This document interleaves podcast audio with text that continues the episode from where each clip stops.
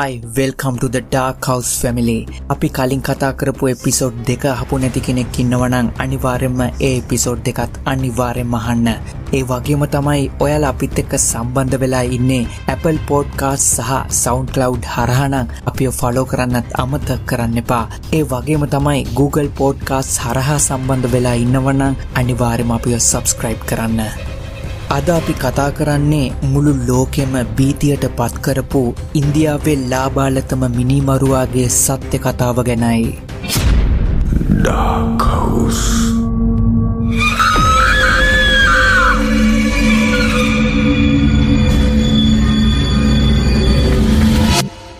මරණේ හරද සාක්ෂියා කතාව පටන්ගන්නේ දෙදස් හතේ දෙදස් හතේ ඉන්දියාවේ බිහාර් ප්‍රාන්තයේ මැංගලෝර් පොලිසිස්ථානයට හදිසි දුරකතන ඇමතුමක් ලැබෙනවා. මැංගලෝර් පොලිසි ස්ටේෂන් කතා කරනවා. හෙලෝ හෙලොස්සයාට අපි මිනිමැරුක ඇල්ලවා. ඉක්මට එන්න. ඔයා කොහෙන්ද කතා කරන්නේ? බිහාර ප්‍රාන්තය කෙනෙක් තමයිස්ස කතා කරන්නේ. අර ළමයි මරන්න මිනිමරුව අපි අල්ලගෙන ඉන්නවස පුළන්තරක ඉක්මට එන්න. එන්න සර් මෙත කලබලයා හරි. ඔයා ලෝකවල්ලගෙන ඉන්න. අපි දැම්ම පිටත් වෙනවා. ඩාකවුස්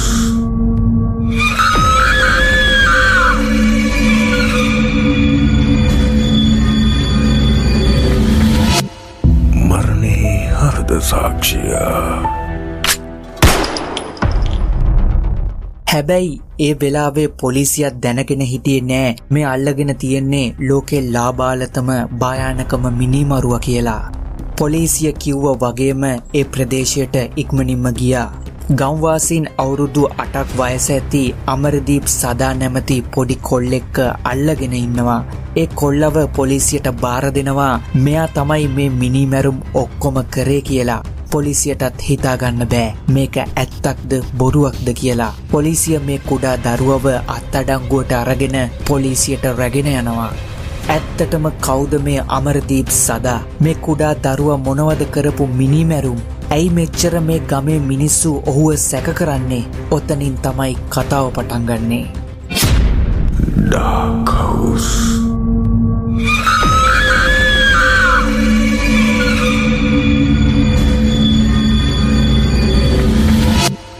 මරණේ හරද සාක්ෂියා.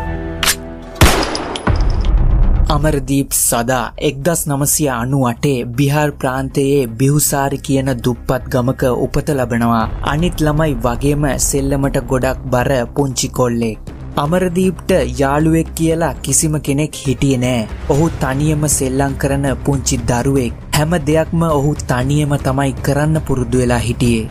කාලයත් සමගම අමරදීප් සදාට අවුරුදු හතත් සම්පූර්ණ වුණා මේ අතරවාරේ අමරදීප් සදාගේ නැන්දා ඇගේ මාස හයක් ඇති පුංචි දරුවවත් අරගෙන අමරදීප් සදාගේ ගෙදරෙනවා. ඇය අමරදීප් සදාලගේ ගෙදරාවා ඒ ළඟනගරේ ඇයට රැකියාවක් හමුණු නිසා තම දරුවව බලාගන්න කියලා අමරදීප්ගේ මවගෙන් ඉල්ලිමක් කරනවා. ඒ යෝජනාවට කිසිම පැකිලීමකින් තොරව අමරදීප්ගේ මව කැමති වුණා. මේ වගේ දවස් හතරක් පහක් ගත වුණා. අමරදීප් සදාගේ මවට හදිසි අවශ්‍යතාවයක් නිසා නගරයට යන්න සිද්ධ වුණා. අමරදීප් අමරදීප් කොහෙද දරුව ඉන්නේ? ඉක්මනට එන්න පොඩ්ඩක්. ඇයියම් මේ මම පොඩ්ඩක් ටවුල් එකට ගිහින් එන්නම්. පොඩි දරුවත් බලාගෙන දෙන්නත් එක්ක දොරවල් වහගෙන මේ ගෙදරට වෙලා ඉන්න කොහෙවත් යන්න එපා හරියම්ම මම එයාගේ ළඟින් ඉන්නම්. ඩාකවුස්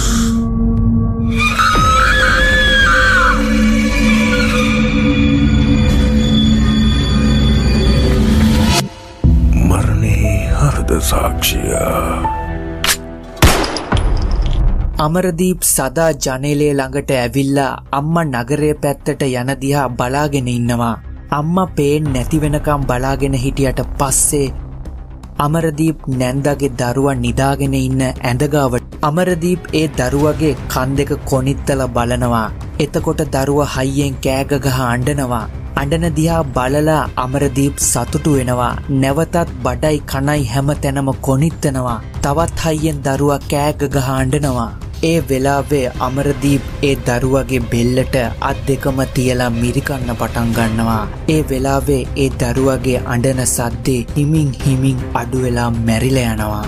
ඊට පස්සේ අමරදීප් ඒ දරුවව අමාරුවෙන් උස්සන් ගිහින් තම ගෙවත්ත පිටිපස්සේ තියෙන වතුයායට අරගෙන ගිහිල්ලා ඒ ළමයව බිම තියලා ගඩොල් වලින් ඔළුවට පහර දෙනවා. ඊට පස්සේ එතනින් වලක්කාරලා ඒ දරුවව වලදාලා ගෙදර ඇවිල්ලා අමරදීප් සදා තනියම සෙල්ලම් කර කර ඉන්නවා. පැයකට විතර පස්සේ අමරදීප්ගේ අම්මා ගෙදරෙනවා. ඒ වෙලාවේ කිසිම දෙයක් දන්නෑ වගේ අමරදීප් කැඩිච්ච සෙල්ලම් බඩුවක් හද හද ඉන්නවා. අම්ම කාමරයට ගිහින් දරුවව බලනවා. දරුව කාමරේ නෑ හැම තැනම හොයන්න පටන් ගන්නවා. බය වෙලා අමරදීප්ගෙන් අහනවා මෙතන හිටපු දරුව කෝ කියලා. අමරදීප් මෙතන හිටපු දරුවා කෝ? උඹ කොහේ හරි හැංගුවද? කියහන්. මම එයාව මේරු ඇම්ම උඹ මට විහිළුවක්ද කරන්නේ පුතේ? ඇත්ත කියපන්. උඹ විහිළුවක් නේද මේ කරන්නේ? ඔව් ඔව් ඇම්ම අම්මෝ පුතේ දැනුයි මගේ ඇඟට ලේ ටිකක් විනේ. කොහෙද යාව හැංගුවේ? හංගපු තැන කියපන්. එයාව සතෙක් හරි මොකෙක් හරි කයි. එන්න අම්ම මම පෙන්නන්නම් එයාව හංගපු තැන Dark House.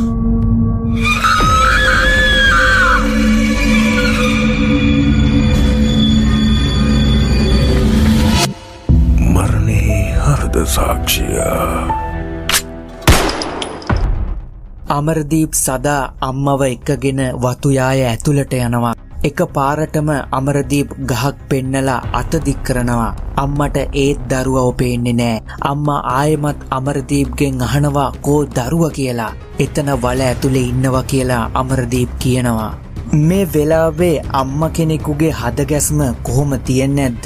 ගහ ළඟ තියෙන වල අමරදීප්ගේ අම්මා හාරලා බලනකොට දරුවගේ පැලුණු ඔළුව සහ තුවාල වුණු ශරීරය ගොඩගත්තා. ඒ මොහොතේදී අමරදීප්ගේ අම්මට හොඳටම තරහ ගිහිල්ලා අමරදීප්ට ගහන්න පටන් ගත්තා. අමරදීප්ගේ තාත්තා වැඩ ඉවර වෙලා ගෙදර එද්දී මේ සිද්ධ වුණ සියලුම විස්තරේ අකුරක් නෑරම අමරදීප්ගේ අම්මා තාත්තට කිව්වා. නැවතත් අමරදීප්ගේ තාත්තා පහර දෙන්න පටන් ගත්තා. ඒ වෙලාවේ වැඩ ඉවර වෙලා ගෙදරෙන අමරදීප්ගේ නැන්දා මේ සිද්ධ වුණ කිසිම දෙයක් දන්නේ නෑ. එයා එන්නේ එයාගේ පුංචි දරුවව අරන් ගෙදර යන්න හිතාගෙන. ඒ මොහොතේදී නැන්දගේ කකුලේ එල්ලුණු අමරදීප්ගේ තාත්තා වැඳ වැටිලා ඉල්ලුවේ කාටවත් මේ සිද්ධිය කියන්න එපා මගේ දරුවගේ අනාගතය අඳුරු වෙයි කියලා. අමරදීප්ගේ අම්මයි තාත්තයි නැන්ද ඉස්සරහා දන ගහලා අඬ අඬ සමාව ඉල්ලන්න ගත්තා. මේ කාරණාවට නැන්දත් එකඟ වෙලා තියෙනවා. නැන්ද මේ සිද්ධියට කොහොම එකග වුණාද කියලා කාටවත් හිතාගන්න බෑ. කාලයක් සමගම ඔහොම ගත වෙලා ගියා. අමරදීප්ගේ අම්මට තවත් දරුවෙක් ඉපදෙනවා. අමරදීප් පුතේ මේ ඉන්නේ ඔයාගේ නංගි. එයාව ඔයා ආදරයෙන් බලා ගන්න ඕන. තේරුණාද? හැරි අම්ම මට දැම් පාලිවක් නැතුව ශෙල්ලං කරන්න පුළුවන් මෙයාට තාම සෙල්ලම් කරන්න බෑනි පුතේ. එයා තාම චූටීනි පුතේ. ඇවිදින්න ගත්තාම ඔයත් එක්ක සෙල්ලම් කරાવી. හොඳේ? හැරි අම්ම නංගිව හැම වෙලාවෙම ආරක්ෂා කරන්න පුතේ. කිසිම කරදරයක් එයාට කරන්න එපා. Dark House.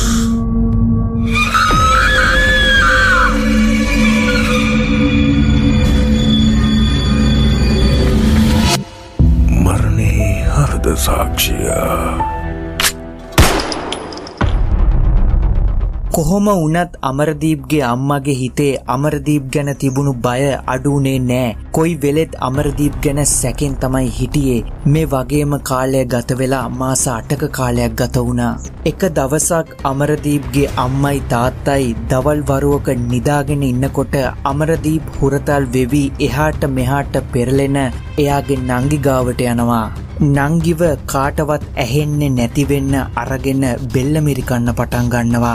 පෑකට විතර පස්සේ අමරදීප්ගේ අම්මා නැකිල්ලා දරුවට කිරි දෙන්න දරුවව උස්සලා තුරුලට ගන්න හදනකොට දරුවගෙන් කිසිම චලනයක් සිද්ධ වෙන්නේ නෑ. අමරදීප්ගේ අම්මා දරුවගේ අත කකුල කොනිත්තලා බලනවා දරුවට නින්ද ගිහිල්ලද කියලා ඒත් කිසිම චලනයක් දැක්කේ නැති නිසා අමරදීප්ගේ අම්මා බය වෙන්න පටන් ගත්තා.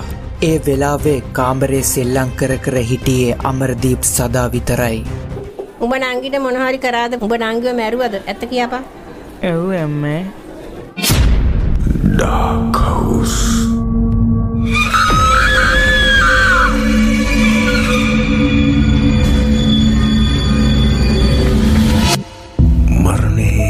හරද සාක්ෂියා අම්මගේ කෑගැහිල්ලට ගමේ හිටපු හැමෝම අමරදීප්ගේ ගෙදරෙනවා මොකක් හරි කරදරයක් වෙලාද කියලා දැනගන්න මුළු ගමම දැනගන්නවා අමරදීප් තමයි නංගිව මැරුවේ කියලා.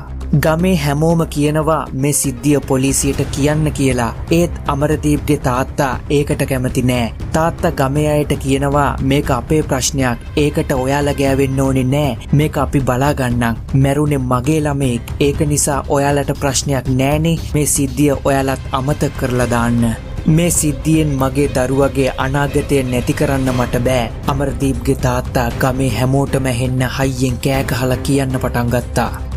ඒ සිදුවීමත් ඔහොමම අවසන් වුණාට පස්සේ අමරදීප් තවත් කෙනෙකුගේ දරුවෙක්ව මරන්න මාන බලනවා කියලා ගමේ කාටවත් තේරුණේ නෑ. අමරදීප්ලගේ ගමේම දේවි කියන කාන්තාවට මාස අටක ලස්සන ගෑනු දරුවෙක් හිටියා. දේවි කියන කාන්තාවට වැඩට යන්න ඕන නිසා ඒ දරුවව දරුව බලාගන්න තැනකට තියලා තමයි ඇය වැඩට යන්නේ. වැඩ ඇරිලා ගෙදරෙනකොට ඒ දරුව එතන ඉඳලා නෑ. මුළු ගමම මේ සිදුවීම නිසා ඇවිස්සෙන්න පටන් ගත්තා. ගමේ හැමෝගෙම අවධානය යොමුුණේ අමරදීප් සදා වෙතටයි. ගමේ අය අමරදීප් අල්ලාගෙන ඇවිල්ලා දේවිගේ දරුවා මැරුවේ උඹ නේද කියලා අහද්දී අමරදීප් හිනාවෙවි ඔව් කියලා උත්තර දීලා තියෙනවා. ඒ විතරක් නෙවෙයි මරලා වලදාපු තැනත් ගමේ අයට පෙන්නලා තියෙනවා.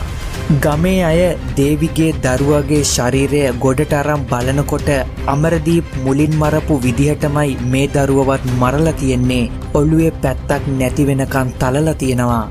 මේ වෙලාවේදී තමයි බිහාර් ප්‍රාන්තයේ මැංගලෝර් පොලිස් ස්ථානයට ඇමතුම ලැබුණේ. ඝාතනය වුණ දරුවගේ අම්මා ඒ කියන්නේ දේවී අමරදීප්ගේ අම්මටයි තාත්තටයි කෑගහලා මෙහෙම කිව්වා ඔයාලගේ දරුව මරපු වෙලාවේ ඒ සිද්ධිය පොලිසියට කිව්වනං අදටත් මගේ දරුව ජීවත් වෙනවා කියලා. මේ සිද්ධ වුණ හැම සිදුවීමක්ම පොලිසියට කිව්වේ වෙන කවුරුත් නෙවෙයි ඒ අමරදීප් සදාමයි. අමරදීප් සදාව වර්ධකරු විදියට ඔප්පු වනත් ඉන්දයානු නීතියට අනුව වයස අවුරුදු අට නිසා අවුරුදු තුනක් පරිවාස ඉඳලා නිදස් කරලා තියෙනවා මේ වෙනකොට අමරදීප් සදාගේ වයස අවුරුදු විසි තුනයි. ඉතින් ඔයා මොකද හිතන්නේ අමරදීප් සදා ගැන ඒකත් පල්ලෑ කමෙන්ට් සෙක්ෂන් එක කමෙන්ට් කරන්නත් අමතක් කරන්න එපා. ලෝකේ එතෙක් මෙතෙක් සිද්ධ වුණ භයානක මිනිමැරුම් සම්බන්ධව කතා කරන එකම පෝඩ්කාස් සීරියස් එක තමයි ඩාක් හවුස් කියන්නේ. අපි ඊළඟ එපිසෝඩ් එකෙන් සෙට් යමු. එහෙනම් හැමෝම පරිස්සමෙන් ඉන්න ජය වේවා.